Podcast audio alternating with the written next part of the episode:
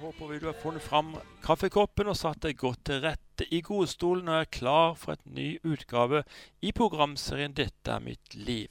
Vi tror det kan bli mange gode og nyttige samtaler etter disse programmene, så inviter gjerne noen venner eller bekjente til neste anledning. Vi er på lufta med nye gjester som deler sine unike livshistorier hver eneste uke på denne kanalen. I dag er jeg Jørgen Reinersen i Sandnes, og det er Kjetil Klungeland som er ukens gjest. Velkommen som gjest i Dette mitt liv, Kjetil. Takk skal du ha. Eh, vi skal etter hvert komme inn på viktigheten av å velge tilgivelsens vei gjennom livet. Du fikk nemlig tilgitt din fars drapsmann som døde under det så mye omtalte Nokas-ranet. Men først skal vi bli kjent med deg, Kjetil. Kan du fortelle hvor du er født og oppvokst? Jo, jeg eh, kommer her fra Sandnes, er 41 år gammel. og, og eh, har bodd litt i Oslo og litt i Trondheim og sånt. Men, eh, men eh, trives godt å, å, bo her i Rogaland, og det er her jeg føler meg hjemme mest. da. Så eh, ellers så, så, er jeg eh, veldig glad i friluftsliv og sjøliv, og bruker litt tid på det og trening og det. Så så ja, tida går ganske fort, egentlig. Hvordan var barneårene dine? Barneårene mine var Jeg var en uh, villstyring da jeg var liten. Og uh, jeg hadde alltid lite godt i oppførsel på, på skolen, da. Og eh, foreldrene mine har sagt det at når de var på foreldremøte, da, så glede alle, unge, eller, alle de andre foreldrene gleda seg til å komme og høre litt om hvordan ungene hadde det på skolen, mens mine foreldre var liksom det samme hver gang. At liksom Ja, ja, hva er det nå han har gjort, da? Så eh, jeg gjorde det meste. Jeg hadde noen grenser. Jeg, jeg løy aldri, og jeg, eh, jeg banna aldri, for jeg betegna meg som kristen. Eh, og jeg stjal aldri. Eh, men resten tror jeg jeg gjorde. Du hadde mye energi som måtte ut? Ja da. Jeg ble kalt for villminken. uh, men etter hvert som jeg ble litt eldre og, og uh, begynte sånn i ja, kanskje midten av tenåringene, slutten av ungdomsskoletida, så begynte jeg å, å, roe meg litt og hadde ikke sånn veldig behov for å prøve ut grenser lenger. og, og, og det. Og så tror jeg jeg bare fant en liten sånn en en liten ny sti da, på at, uh, at uh, jeg så at når jeg ikke prøver grenser hele veien, og ikke, når jeg oppfører meg da, så, så fikk jeg en uh, tillit av mine foreldre og andre sine foreldre og sånt, til, som, som, ga meg mye frihet. da. Så når venner de måtte fortelle om hvor de var henne, hvem de var med, måtte inn til de og de tider, så hadde jeg ingen grenser. Jeg kunne være ute hele natta om jeg, det var det som jeg ville, men, men uh, jeg var jo ikke det. Jeg, da var jeg liksom ferdig med den uh, grenseprøvinga og, og, ble liksom ansvarlig, da. Du vokste opp i et uh, godt kristent hjem. hvilken betydning tror du det har hatt for deg? det har et, gitt meg et fundament på, på, på troen min. Eh, og jeg føler at jeg har fått det inn på en sånn veldig god og sunn måte. Eh, jeg kan aldri huske at det har vært noen slags form for press eller tvang eller, eller noe pietisme. Eh, det har vært eh, fokus på nest, nestekjærlighet og, og fokuset på gleden og nåden eh, i troen min. Og det er noe som gjør at eh, jeg tror at den eh, troen som jeg fikk med meg, den bar jeg med meg videre i, eh, i eh, barne- og ungdomsåra og opp i voksen alder. da. Og så hadde jeg nok en periode i ungdomsåra at jeg, jeg, hadde nok ikke noen, noen kristne venner. Og det var fordi at jeg fant på så mye tull, da, at eh, jeg syntes kanskje at de var kristne de var litt kjedelige, da. Så, så eh, jeg hadde ingen kristne venner, men jeg var ferdig med militæret. Så, eh, eh så kjente jeg bare at eh, det var noe som mangla, en litt sånn tomhet. At eh, jeg hadde lyst til å finne noe dypere. Noe dypere samtaleemner og, og litt sånt. og så tenkte jeg ja, kanskje jeg skal gå i eh, Bare prøve en menighet en gang. Og så hadde jeg hørt noe bra om eh, Imi-kirka i Stavanger. Og så tenkte jeg ja, jeg prøver å gå der. Så gikk jeg der helt alene en gang og, og bare kjente en sånn en, en veldig sånn velkomst. Eh, at jeg var veldig inkludert, da. Og så kjente jeg bare at det var behagelig å være her. Og så fortsatte jeg egentlig bare med å gå i meg, og det har liksom vært mitt, eh, min menighet eh, gjennom eh, hele mitt voksne liv, da. Mm. Mm. Ja, Imi kirke her i Stavanger, det er, det er et kraftsenter, er det ikke det? Ja, hva legger du i det? Jeg tenker på det jeg Bare inntrykket Nå kommer vi fra Sørlandet, ikke sant? Man hører så mye om Imi-kirka. Her kommer ungdommer og samles, og det er ja, ja, mange sånn, festivaler og forskjellig som skjer her. Ja, det er det. Og det er mye jeg er stolt av eh, som, som IMI gjør og står for. Og så er det ikke alltid at jeg er alltid helt 100% enig i alt. men men allikevel så har jeg så stor respekt for ledelsen i meg, fordi at de tolererer Selv om andre har andre meninger, og sånt, så er det en toleranse for det. At du kan ha andre meninger, og det er ikke feil. Og, og, og det også har jeg òg en respekt for at IMI skal få lov til å være tydelige på det som, som IMI mener er riktig. da. Eh, så, sånn at jeg har aldri følt, hvis det har vært noe som jeg har vært litt uenig i, så har jeg aldri følt at det er et pro problem. Og aldri følt meg noe ekskludert eller noe sånt. Jeg, og, og um, det som jeg òg syns er veldig fint med IMI, det er at de er veldig åpne. Det er ingenting som er sånn hemmelighold eller lukka. Eh, det, det, er liksom veldig åpent og, og transparent. da. Og, og, hvis de av og til har trødd litt feil eh, enkelte ting, så, så feier ikke det under teppet. Da snakker en om det. Da tar en det opp på gudstjeneste og, og prater om dette. 'Dette har vi fått kritikk for. Dette mener vi er riktig. OK, dette ser vi kanskje vi skulle gjort noe annerledes.' Og det er en veldig sånn en sunn måte å drive menighet på, syns jeg. Og det gjør at jeg har en stor tillit til, til Imi kirke, og, og, er veldig, veldig stolt av Imi kirke. Det høres veldig, veldig bra ut. Du utdannet til ambulan ambulansesjåfør. Ja, stemmer det. Du må fortelle litt hvordan den uttalelsen er. Eh, når jeg var på ungdomsskolen, så eh, kjøpte jeg moped. Eh, det har nok vært den mest økonomiske dårlige investeringen. Men samtidig så når det gikk noe, alltid noe galt med mopeden, og begynte å skulle skru på dette her, og så kjente jeg aldri i livet om jeg skal ta noe sånn utdannelse på mekaniske linjer for å sitte og skru på noe sånt som dette. Det orker jeg ikke. Og så tenkte jeg liksom Hva skal du gjøre videre i livet? Og så tenkte jeg litt på Så var det min far, da, som, som Han har alltid vært veldig glad i ambulansetjenesten, og det har liksom vært hans eh, et, et, stort hjerte i han, da. Eh, og redningstjeneste. Så han liksom tipsa meg kanskje om ambulansefag skulle vært noe. Og han tok meg med opp igjennom og på besøk i ambulansen og luftambulansen og sånt. Og, og, og, så begynte jeg å tenke litt mer på det. Og så, eh, og så eh, eh, tenkte jeg at kanskje det skulle være veien, da. Så tok jeg hjelpepleien på videregående, og så tok jeg ambulanseskole opp i Trondheim. og og litt sånt. Og så har jeg jobba ganske mange år i, i ambulansetjenesten, da, hvor, hvor jeg har, har, hatt en veldig fin jobb der. Mm. Nå er det sikkert oppdragene i ambulansetjenesten veldig allsidige, men hvordan er det å få et oppdrag etter en dramatisk trafikkulykke? Altså, hverdagene, det jeg liker eh, med ambulansetjenesten, det er at uh, hverdagene er veldig forskjellige. Etter hvert som du blir erfaren, så, så, har du vært ute på de fleste ting før. Så du har en rutine på ting og vet hvordan du vil løse oppdragene. Men det er en veldig stor variasjon.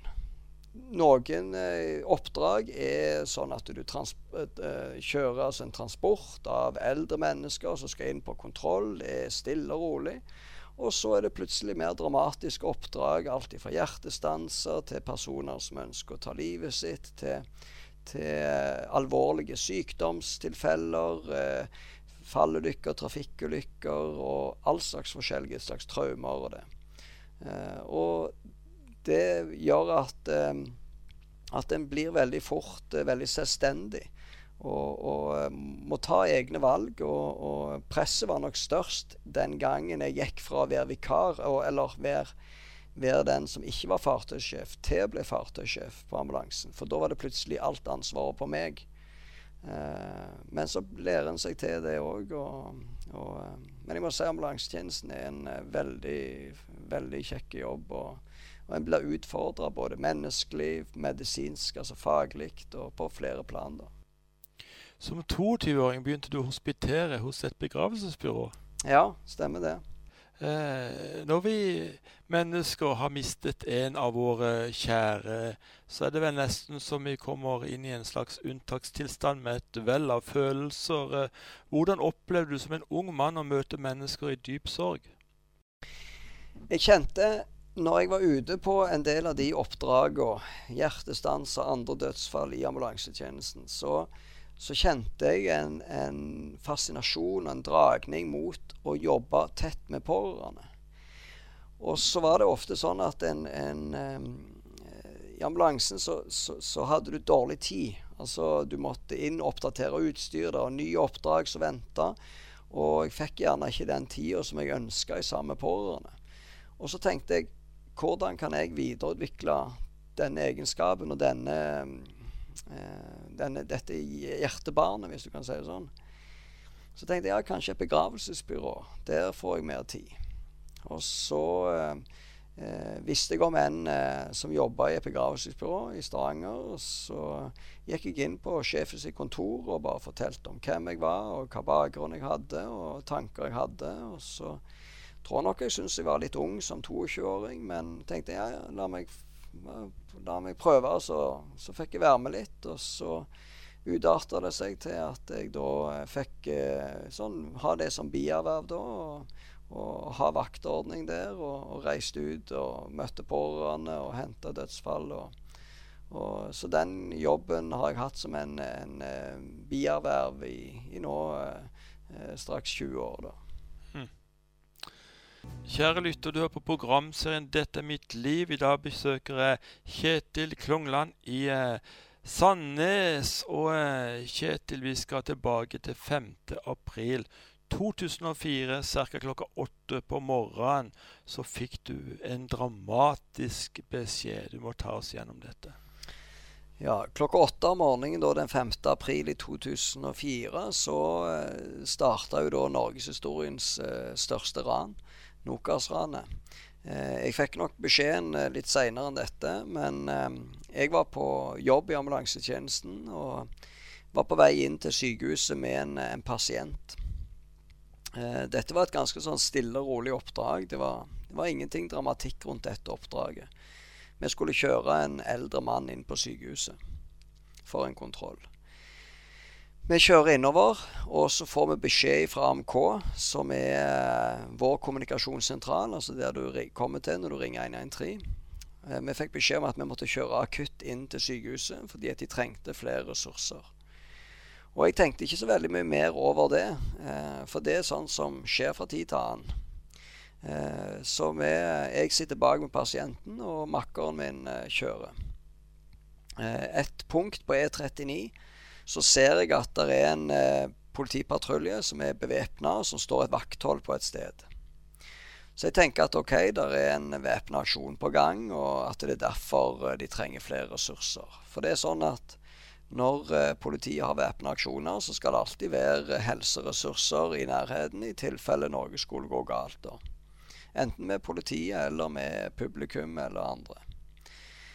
Eh, kom inn til akuttmottaket, avlevere pasienten og, og prøve å rope på sambandet på AMK, men får ikke noe svar der. Så AMK lå rett på siden av akuttmottaket, så meg og kollegaen min vi går eh, opp til AMK. Og så åpner jeg opp døra, og så ser jeg inn at det er et eller annet som skjer. Jeg ser at det er flere eh, ansatte inne på jobb, og det er masse telefoner. Det jeg forventer da, det er at eh, jeg får et nytt oppdrag. Nå skal jeg ut på den og den adressen, og der skjer det sånn og sånn. Og så reiser jeg ut igjen. Men meg og makkeren min blir stående litt i døra. Kollegaen min i AMK han snur seg og ser mot meg og ser at eh, vi er der, og, og vi fortsetter bare å jobbe. Eh, det jeg ikke visste da, det var at han hadde nettopp da fått beskjed på telefon at eh, en politimann var beskutt, og det var muligens Arne Klungland. Eh, han vet, visste jo òg godt hvem, hvem, min far var. Og så snur han seg rundt, og så ser han rett på meg. Så han visste ikke helt hva han skulle gjøre eller si da. Så han ba oss om å gå inn på et rom på sida av. Og jeg tenkte at det var litt unaturlig, for jeg forventa jo på en måte ut på et nytt oppdrag og sånn og sånn. Men vi gjorde som vi fikk beskjed om. Så kom jeg inn på rommet, og, der og det er et vindu utover, og jeg ser et eller annet som brenner oppe i Auglensdalen. Ikke visste jeg at det var de bilene som var satt i brann. Men jeg tenker at ut ifra røyken så tenkte jeg at det var en husbrann og, og litt sånt i forhold til sort røyk og det. Eh, så jeg tenkte at skal ikke vi ut der? Hvorfor blir vi bare sittende her? Så kom eh, sjefen for ambulansetjenesten inn i rommet. Og så sier han at han har nettopp lest på eh, aftenblad.no at det er et eh, pågående ran nede i sentrum, og at det er løsna skudd.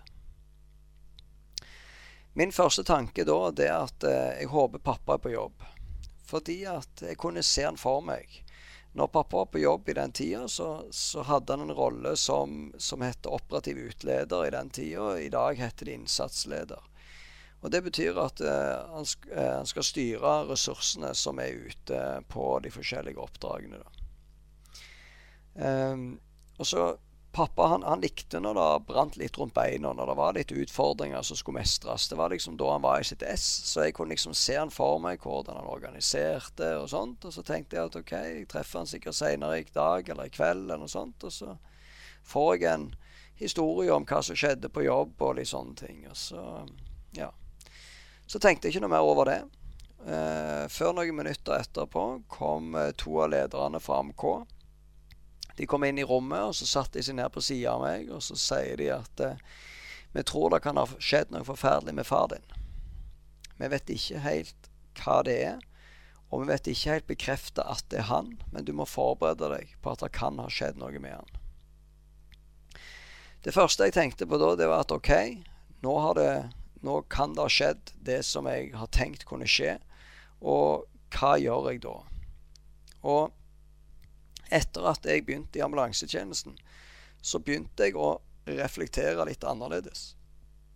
Jeg begynte å altså Jeg var vant med å være ute på masse andre sine kriser, eh, trafikkulykker etc.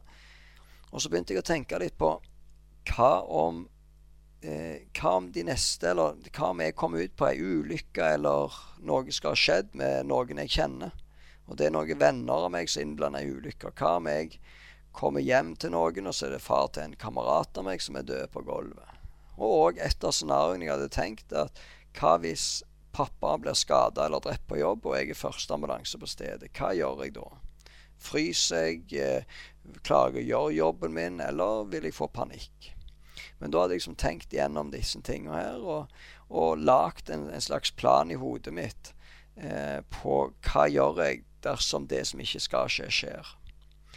Og de tankene var det som kom i hodet mitt når jeg fikk beskjeden med en gang.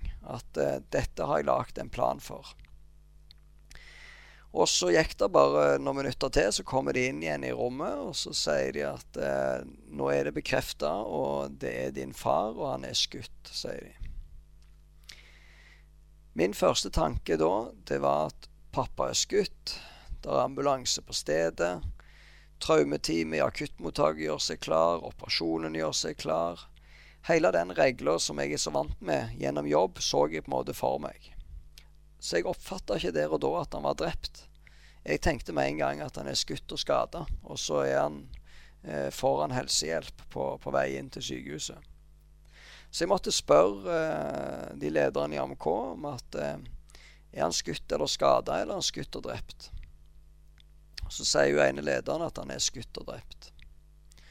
Og da eh, stoler jeg jo på at det har skjedd, og da fortsetter jo litt av disse tankene på dette har jeg lagd meg en plan for, hva gjør jeg nå? Og så sant, jeg tenker jeg må ringe varsle resten av familien, og, og, og, at jeg kjente på at jeg trenger masse informasjon. Jeg, jeg ønsker å, å, å, finne ut av hvor har dette skjedd? Hvordan ser det ut? Eh, hvem har gjort dette? Og masse spørsmål da, som jeg hadde behov for å få svar på. Så det som videre gjør, jeg varsler mor mi. Eh, hun jobber i psykiatrien rett på siden av sykehuset. Kommer ned, henter hun. Og så kjører ned i sentrum, for jeg sier til hun at jeg vil ned og så se der dette har skjedd. Og, og spør da om mor mi vil være med, og, og, og det sier hun da ja til. Så vi kjører ned i sentrum, og så eh, kom jeg ned i, i Kongsgata. Eh, og fikk eh, slippe forbi sperringene. Og, og eh, en patrulje der eh, tok oss med og, og, forklarte oss om hvor dette hadde skjedd til henne. Og allerede da var bilen med pappa i tatt vekk fra stedet, så den var ikke der da. Eh, men jeg fikk liksom se hvor dette hadde skjedd henne. Eh, så når jeg står der, så var det en sånn helt sånn spesiell atmosfære. Eh, det var sånn en sånn spesiell fred i sentrum. Fuglene kvitra, husker jeg at jeg hørte, og, og, det var en sånn stillhet. da. Men sånn følelsesmessig så, så um, kjente jeg at jeg, jeg stolte på at jeg hadde blitt fortalt at det stemte. Men følelsesmessig så klarte jeg ikke å ta det inn over meg. Jeg, jeg klarte ikke å begynne å gråte. Eh, så, så, følelsesmessig så følte jeg meg litt sånn eh, Bare litt sånn kald og tilsidesatt. Eh, så får jeg beskjed om at det skal være en, en samling oppe på politihuset. Hvor deler av patruljene som har vært med i aksjonen, da, skal fortelle om hva er det som har skjedd. Da. Og jeg kjenner jo at jeg har lyst på mer informasjon, så det blir en naturlig ting å få med meg, tenker jeg. Når jeg kommer opp på politihuset, så er litt det første sterke møtet som møter meg. Og det er pappa sine kollegaer. Som jeg òg eh, Noen av de kjente jeg òg godt fra før og, og, og sånt. Og, og, det var en sånn spesiell og sterk eh, eh, hendelse da når jeg kommer opp der, og de står rundt meg og holder rundt meg og gråter. Og det var en sånn følelse av et sånn et godt og trygt samhold. Og blir stående litt der. Og, og, og, så eh, Etter hvert så skal vi jo gå i gang med denne, eh, denne eh, orienteringen, da.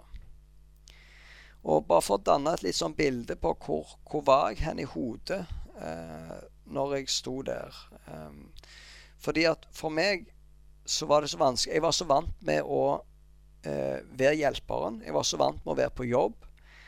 Eh, at jeg var ikke nok, nok, forberedt, tror jeg, til at jeg plutselig skulle stå i en krise. Eh, så når vi satt der inne og venta på denne orienteringen skulle, skulle, gå i gang, da, så kom der en arrestforvarer opp fra arresten, og så sa han eh, ut i rommet da er det noen for helse her, for vi har en som har hengt seg i arresten. Og meg og makkeren min vi, vi spretter jo opp og, og, løper ned mot arresten. Og, og hun snur seg til meg i trappa og så sier hun, 'Vil du virkelig dette, Kjetil?' Og så stopper jeg liksom opp litt på vei ned, og så tenker jeg men jeg er jo på jobb. For meg så klarte jeg ikke på en måte å legge vekk den rollen som jeg var så vant med å ha. Eh, og så tenke at nå er det jeg som faktisk står i en krise. Eh, vi kommer ned i arresten, og ting blir klarert. Og da pasienten begynner å puste igjen, og da kommer andre ambulanse til, så det gikk greit.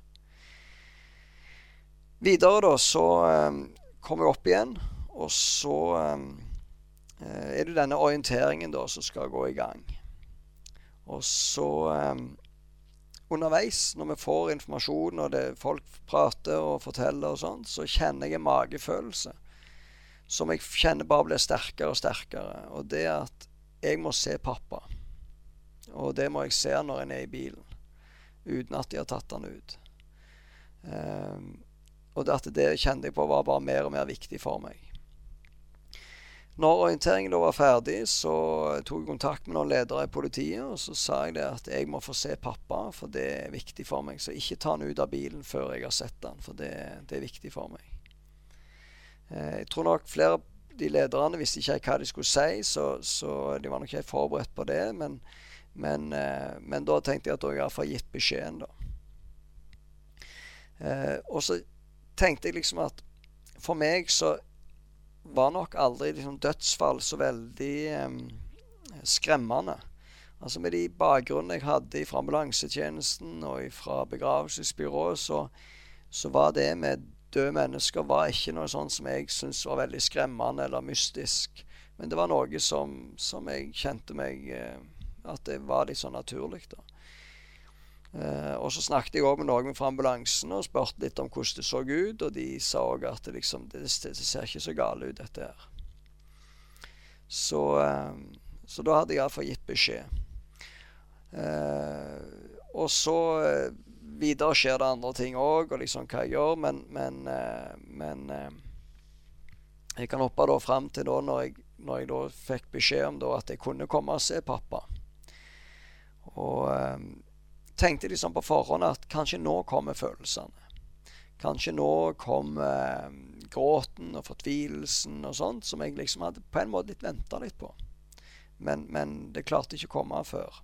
Men så tenkte jeg kanskje når jeg ser pappa, da kommer det. Eh, jeg kom ned i garasjen på politihuset, og eh, bak sånn en stor grønn presenning som jeg visste at den henger ikke der til vanlig, så tenkte jeg at bak der er bilen med pappa i. Jeg nærmer meg og møter krimteknikerne som jobber med sporsikring, og de kjente godt pappa. Jeg kommer bort og møter de, og de begynner å gråte. Og sjøl står jeg litt sånn følelseskald til sides. Jeg får beskjed om at jeg kan ikke berøre pappa, men jeg, jeg, kan, jeg kan, se på han inn gjennom vinduene. Så husker jeg at jeg går først litt sånn fram og tilbake bak bilen når jeg kommer bak forhenget, og så før jeg går fram til førerdøra, og der kan jeg se rett inn på han.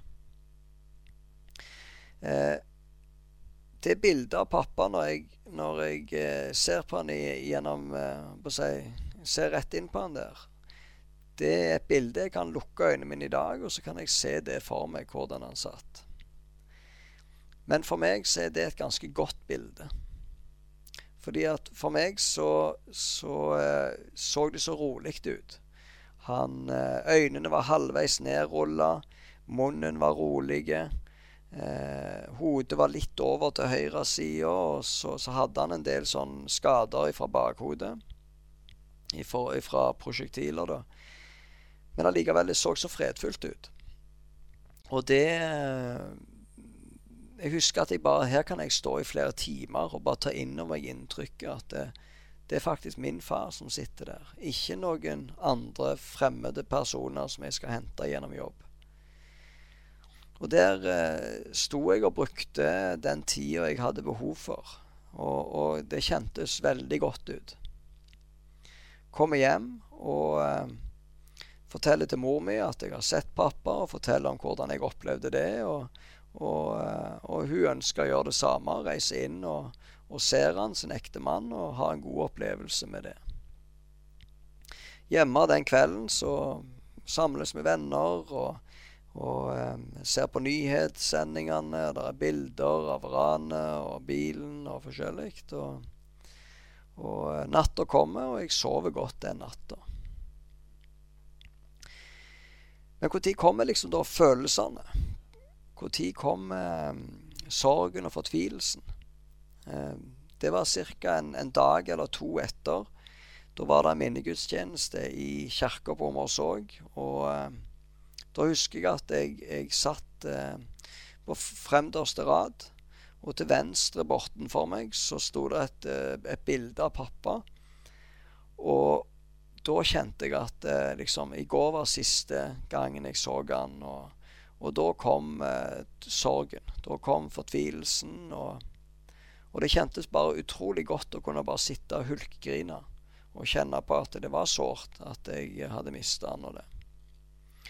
Så ehm, eh, så det var liksom sånn det forløp seg i, i starten. Og eh, Kjetil, har du fått tilgitt han som drepte din far? Ja, jeg, jeg vil si at, uh, at uh, jeg har tilgitt uh, den Kjell Schumann som var den som avfyrte skuddet mot min far. Det kjenner jeg på.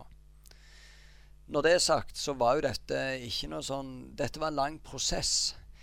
Eh, men inni den prosessen så var det ikke sånn at jeg kjente at det var veldig vanskelig. Eh, jeg skulle nesten liksom Jeg føler at jeg ble invitert en del rundt til å snakke i forskjellige forsamlinger om tilgivelse. Og, og jeg må si at jeg syns jeg har nesten fått litt for enkelt. Fordi at jeg opplevde aldri det sinnet. Verken jeg eller resten av familien opplevde dette sinnet Eh, sånn at jeg har veldig dyp respekt for de som står oppi ting som de kjenner på et sinne, og så skal de tilgi. Eh, og at jeg da, som ikke kjente på det sinnet, skal komme og snakke om trivelse Jeg syns at det er nesten litt sånn for enkelt. Men, men for å starte litt eh, fra begynnelsen av, så, så, kjente jeg jo bare ikke at jeg var sint på de som hadde gjort dette. Enten eh, han som hadde drept pappa, eller de som hadde begått ranet. Jeg syns ikke synd på de. Det gjør jeg ikke. For det at eh, de må stå til rette for det de har gjort. Men jeg kjente at jeg hadde ikke noe behov for å ha for at de skulle få det hardere i fengsel. Jeg hadde ikke behov for at de skulle få de lengst mulig straffene. Eh, så klart, hadde, hadde, de fått et år eller to i fengsel, så tror jeg nok jeg hadde kjent det litt hånlig. Men, men, de fikk ganske strenge straffer. Men jeg kjente på at straff er ikke det viktigste for meg. Det er heller ikke uviktig, for det handler om at vi skal forebygge at dette skjer igjen. Og at eh, det som var viktig for meg, var at ranerne forsto konsekvensen av det de hadde vært med på. At de forsto konsekvensen, hva deres handlinger har gjort med mitt liv. Det var viktig for meg. Men jeg kjente at jeg får ikke noe bedre liv om de får det x antall år mer i fengsel. Jeg får heller ikke noe bedre liv om de får det hardere i fengsel. Men i forhold til tilgivelse så kjente jeg på at jeg er ikke sint. Og så begynte jeg å tenke på hvorfor er ikke jeg sint. Og når en urettferdig handling skjer mot noen en er glad i, eller seg sjøl, så er det helt naturlig å kjenne på sinne og ønske etter hevn. Det er helt naturlig og legitimt. Men jeg kjente ikke på det. Og så begynte jeg å liksom lure på hvorfor ikke jeg er sint når mange andre, mange andre borgere i samfunnet er sinte. og, og sånt. Hvorfor var ikke jeg sint, og vi som er den nærmeste familien, hvorfor var ikke vi sinte på dette? Og så begynte jeg å fundere litt på dette, og så ser jeg at eh, med å slippe å gå rundt og være sint, så åpner det seg opp noe i forhold til livskvalitet. Det gir meg en annen mulighet til livskvalitet. Men så tenkte jeg, hva da med tilgivelse? Tilgivelse, det var liksom Da jeg var liten, så var tilgivelse veldig enkelt. Jeg gjorde noe vondt mot foreldrene mine eller søsteren min, og så angra jeg på det jeg hadde gjort, og så ba jeg om tilgivelse. Og så sa liksom mamma eller pappa at eh, OK, nå er det greit. Nå setter vi en strek over dette. Nå er dette glemt. Nå fikk tilgivelse en helt ny dimensjon. Fordi at jeg tenkte hvis jeg tilgir, sier jeg at det er greit, det de har gjort. Og hvis jeg tilgir, sier jeg da at jeg har glemt det de har gjort. Jeg hadde ikke behov for å glemme, jeg hadde heller ikke behov for å si at det var greit. Men jeg kjente jo på at det er jo jeg som får nyte godt av tilgivelsen.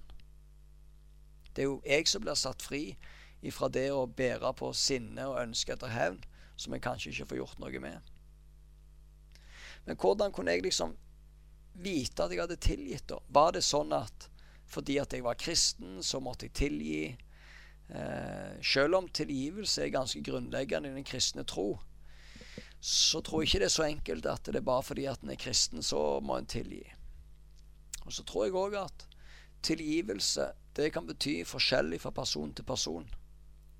For noen så betyr tilgivelse at ugjerning må gjenopprettes. Her var jo pappa død, det var ikke mulig. For andre så betyr tilgivelsen at at eh, den som har gjort ugjerning, må be om tilgivelse. Ranerne, Flere av ranerne jeg prata med, de, de beklagte det som hadde skjedd, men det var ingen som ba om en tilgivelse. Det var kanskje ikke heller noe jeg forventa. Mens andre betyr tilgivelse at en tilgir uavhengig av den andre. Og det var det jeg òg kjente på, at det er jo jeg som får nytte godt av tilgivelsen. Men så kjente jeg på liksom, hvordan kunne jeg vite at jeg hadde tilgitt? Her var det jo ingen som hadde bedt om min tilgivelse. Var dette bare en euforisk opplevelse som, som jeg kjente på der og da? Kanskje når ting roa seg litt? Kanskje da ville sinnet komme? Så jeg kjente på at jeg, jeg Hvordan kunne jeg faktisk vite at jeg hadde tilgitt? Det som ble klarere for meg, det var når jeg eh, møtte Schumann for første gang i fengselet. Når eh, eh Det var under ankesaken i 2006-2007. Eh, så møtte jeg han. Og når jeg da kunne komme inn i besøksrommet ta han i hånda, si takk for at du ville møte meg. Vi satt i nesten to timer og prata. Så og jeg kjente fremdeles ikke at jeg ønska noe vondt. Så tenkte jeg det må være en del av en tilgivelse. tenkte jeg. Når jeg ikke ønsker noe vondt. Jeg ønsker at, det, han skal ta, altså at han skal forstå konsekvensen. Det ønsker jeg. Men jeg ønsker han ikke noe vondt. Så for, med det så ble det litt mer klart for meg at faktisk jeg har tilgitt. Det, det er ikke bare en euforisk opplevelse som, som jeg innbiller meg, eller at det, det, er bare sånn det er fordi at jeg ikke er, er, er sint. da. Så eh, for meg så ble det liksom bildet på at jeg, jeg kjenner at jeg har tilgitt. Mm. Ble du noen gang sint eller bitter på Gud for det som skjedde? Nei, det ble jeg heller ikke. Og eh, jeg tenker som tenker litt sånn som mor mi eh, sa en gang, at hun tror at dette er et resultat av menneskers vondskap. Og ikke noe Gud ønsker. Og Det er litt av det samme som jeg òg tenker. Jeg tror ikke Gud ønsker at dette skulle skje. Men vi mennesker har fått fri vilje til å, å gjøre det som vi ønsker. Og, og, noen mennesker gjør dumme valg og ukloke valg og ikke fine valg. Og, og Så jeg tror at det, det var ikke noe Gud ønska, og det gjør heller at jeg, jeg, kjenner at jeg ikke er noe sint på Gud oppimot det. Det er nok noen lyttere som kjenner på behovet for å bli tilgitt for uh, handlinger som blir påført andre fysisk eller psykisk. Hva vil du si til de? Jeg tror først og fremst for de som ønsker å bli tilgitt, så tror jeg òg at det handler om å ta ansvar for det du har gjort. At du helt og holdent tar ansvar og, og viser i handlinger, viser i holdninger og tankesett at du tar på deg skylden. At du tar den skylden som er berettiga eh, for det en har gjort. Og, eh, og, på den måten så tror jeg det kan være en start for den andre parten til å kunne kanskje en gang i framtida møte med tilgivelse. Samtidig så jeg tror det er viktig at vi ikke skal forvente at den andre skal tilgi. Det er noe som er nødt til å komme fra dypet av hjertet på den andre. Så jeg tror det er usunt å skal gå rundt og forvente å bli tilgitt. Men det er lov å gå med et ønske om å bli tilgitt. Men i den prosessen så tror jeg det er viktig at, at uh, den som har gjort uretten, at den tar fullt ansvar, og ikke prøver å bortforklare det en har gjort. Det er også en del lyttere som har fått erfare at uh, de er blitt urettferdig behandla, eller det har blitt uttalt sårende ord om dem. da. Uh, kanskje de har opplevd at uh, de har blitt svikta når de har mest av alt trengt hjelp og støtte. da. Har du noe til de også? Bare tenke litt at Hva det er helt legitimt å kjenne på de følelsene, og, og, det er viktig å skal få lov å kjenne på det og erkjenne det og være ærlig med seg sjøl på at det kjennes vondt ut. Men òg liksom Hva er det du velger å holde fokuset på? Hva gjør det med livskvaliteten din? Eh, velger du å holde fokus på at du skal ta hevn? Du skal se den andre lide? Hva gjør det med hjertet ditt? Eller hvis du holder fokus på det med tilgivelse? hva vil det gjøre med livskvaliteten din? Jeg tror at eh, det er ikke så enkelt at du bare kan velge. Jeg tror at det handler om prosesser du står i. Men jeg tror òg at det handler om hva du velger å fokusere på. Hva er fokuset ditt, og hva vil den fokuset gjøre med din framtid i forhold til livskvaliteten?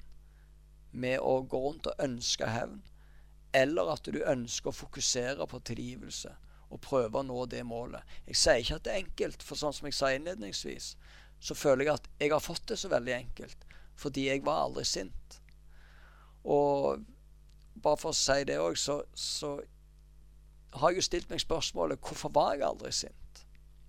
Og det eneste jeg klarer å komme fram til, det er at jeg tror Gud var der for meg og for familien til å se utover det meningsløse. Eh, for jeg klarer ikke å finne en annen forklaring på hvorfor jeg ikke var sint. Så på en måte så skulle jeg ønske at jeg på en måte kunne komme her liksom med en oppskrift. da, At jeg var sint, og så gjorde jeg sånn og sånn, og så kom jeg fram til tilgivelsen. Men det var bare ikke sånn for meg. Jeg må bare være ærlig om hvordan jeg opplevde det. Og, og, og eh, jeg opplevde det sånn som jeg har, har, beskrevet det, da. Men jeg har stor respekt for de som kjenner på et sinne og ønsker å tilgi og syns det er vanskelig å tilgi. Det har jeg veldig stor respekt for. En tredje gruppe kan vi også ta med her. For noen ganger i livet så vil det også være viktig å tilgi seg selv for saker og ting man har gjort i livet. Har du noe råd til dem? Ja, det tror jeg er noe av det vanskeligste, tror jeg. Det å tilgi seg sjøl. For da er det kanskje bare en sjøl en jobber mot. Eh, så, så eh, jeg tenker litt på at Gud er den som på en måte skal tilgi oss. Og, og eh, at vi kan forstå Guds nåde. Gud er en nådig Gud. Og at eh, han vil tilgi oss når vi ber om tilgivelse. Og på den måten at vi kan starte på nytt. Legge det som er, eh, det som er gjort, bak oss, og da starte på nytt. Og òg at når vi da starter på nytt, at vi har fokus på å gjøre det rette framover. Akkurat som det, det, står i Bibelen at, at at Gå bort og synde ikke mer. Altså at vi prøver å ta et oppgjør med det vi har gjort, men at vi da prøver å forandre eh, livsførsel med å, å, gjøre det rette framover. Mm. Kjetil Klunglang, hjertelig tusen takk skal du ha for du har takka ja til å dele på dette programmet. Jeg tror det har vært til stor hjelp for veldig mange lyttere. Det var gripende og sterkt å sitte og lytte på det. Vi ønsker deg og din familie all lykke på ferden videre. Takk for det. Kjære lytter. Det er mulig at du sliter med å tilgi deg selv eller andre mennesker som har begått en ugjerning mot deg. Og Jeg håper virkelig at du ønsker å oppsøke menighet på ditt hjemsted, slik at du kan få pratet ut om de tankene og følelsene du har. Og så er jeg veldig takknemlig for at jeg kan fortelle deg at Gud ser deg. Han vet nøyaktig hvordan du har det. Gud er en god far som ønsker deg det aller, aller beste. I profeten Jeremia kapittel 29 står det:" For jeg vet de tanker jeg tenker om dere, sier Herren. Det er fredstanker og ikke tanker til ulykke. Jeg vil gi dere framtid og håp. Om du som lytter i dag ønsker at Gud skal bli din far, og ønsker å invitere Hans sønn Jesus Kristus inn i ditt hjerte, kan du be denne bønnen etter meg. Jesus, jeg kommer til deg nå slik som jeg er.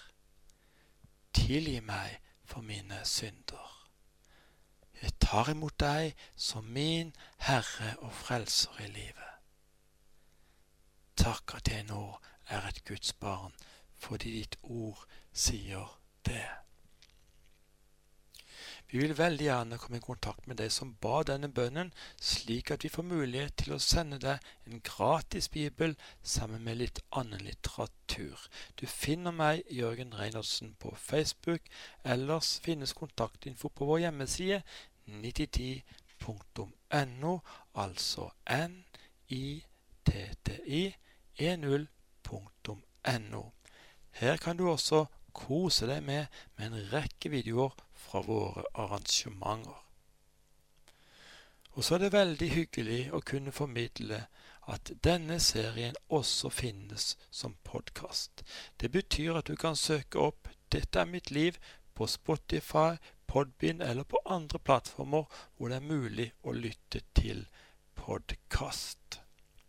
La meg helt til slutt be en bønn for deg som lytter i dag.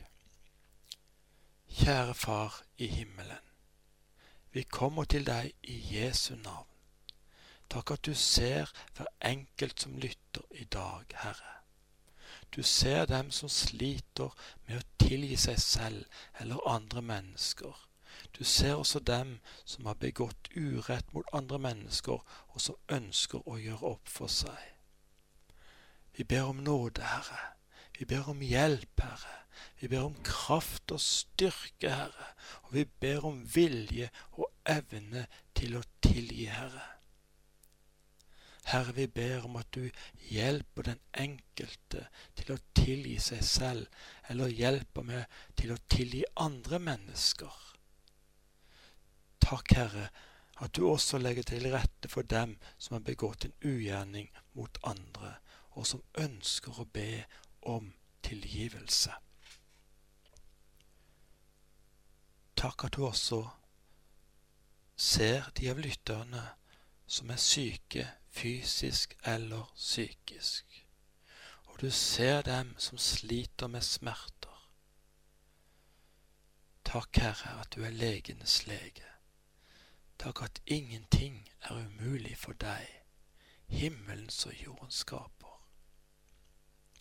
Derfor ber vi om helbredelse for alle slags sykdommer og plager i Jesu navn og vi ber om at smerter skal forsvinne i Jesu Kristi navn. Vi takker og lover deg, vår Far i himmelen, i Jesu navn. Om du ønsker å si ammen med meg, så sier vi det nå i fellesskap. Amen. Vi håper vi høres igjen neste uke. Da er vi på denne kanalen igjen med en ny gjest eller to som deler sine unike livshistorier. Husk, kjære lytter, du er høyt elsket av Gud. Du er unik. Det finnes bare én som deg. Vi takker for i dag og ønsker deg det beste av alt Guds velsignelse.